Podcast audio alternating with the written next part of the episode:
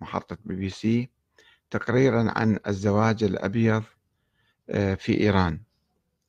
وسوف نذكر بعض تفاصيله ولكن سؤالنا هو بماذا يختلف هذا الزواج عن الزواج المؤقت المعروف بالمتعة عند الشيعة أو الزواج العرفي؟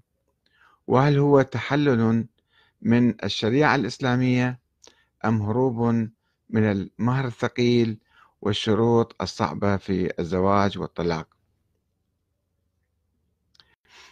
آه، يقول تقرير آه، محطة بي بي سي أن هذا الزواج أصبح ظاهرة في إيران منتشرة خلال العقدين الماضيين بحيث أن المسؤولين الإيرانيين بدأوا يتحدثون عنها وكذلك آه، المرشد الإيراني السيد علي الخامنئي الذي تحدث في اجتماع بعدد من الأئمة في آذار الماضي وطلب منهم التركيز على بناء العائلة في البلاد لأن أعداء إيران عزموا على القضاء على نظام الأسرة بين البشر عموما في العالم. وأضاف لقد صمم أعداء الإنسانية الرأسمالية العالمية والصهيونية.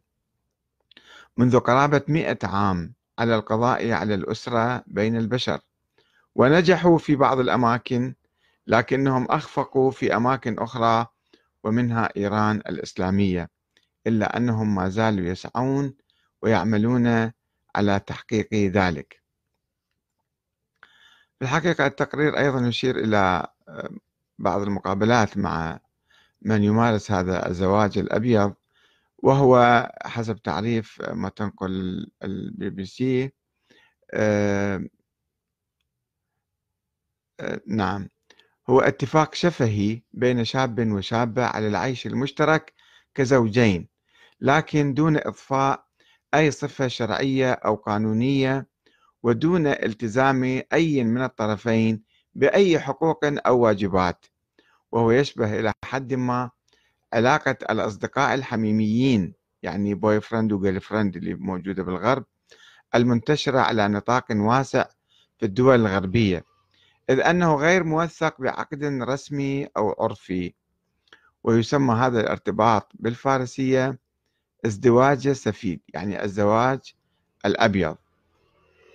آه، ويقول بعض نشطاء مواقع التواصل الاجتماعي أن الظاهرة منتشرة على نطاق واسع في المدن الكبيرة مثل العاصمة طهران.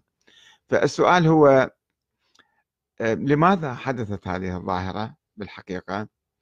طبعا آه، ينقل تقرير بي بي سي أنه آه، يعتبر في إيران هذا أشبه بالزنا وتكون عقوبة من من يثبت أو يثبت عليه هذا النوع من الزواج عقوبة شرعية أي أنها تعامل على أنها زنا بحسب ما أقر رجال الدين في إيران. هذا أنا بالحقيقة ما متأكد من عنده وما أعرف شنو سببه.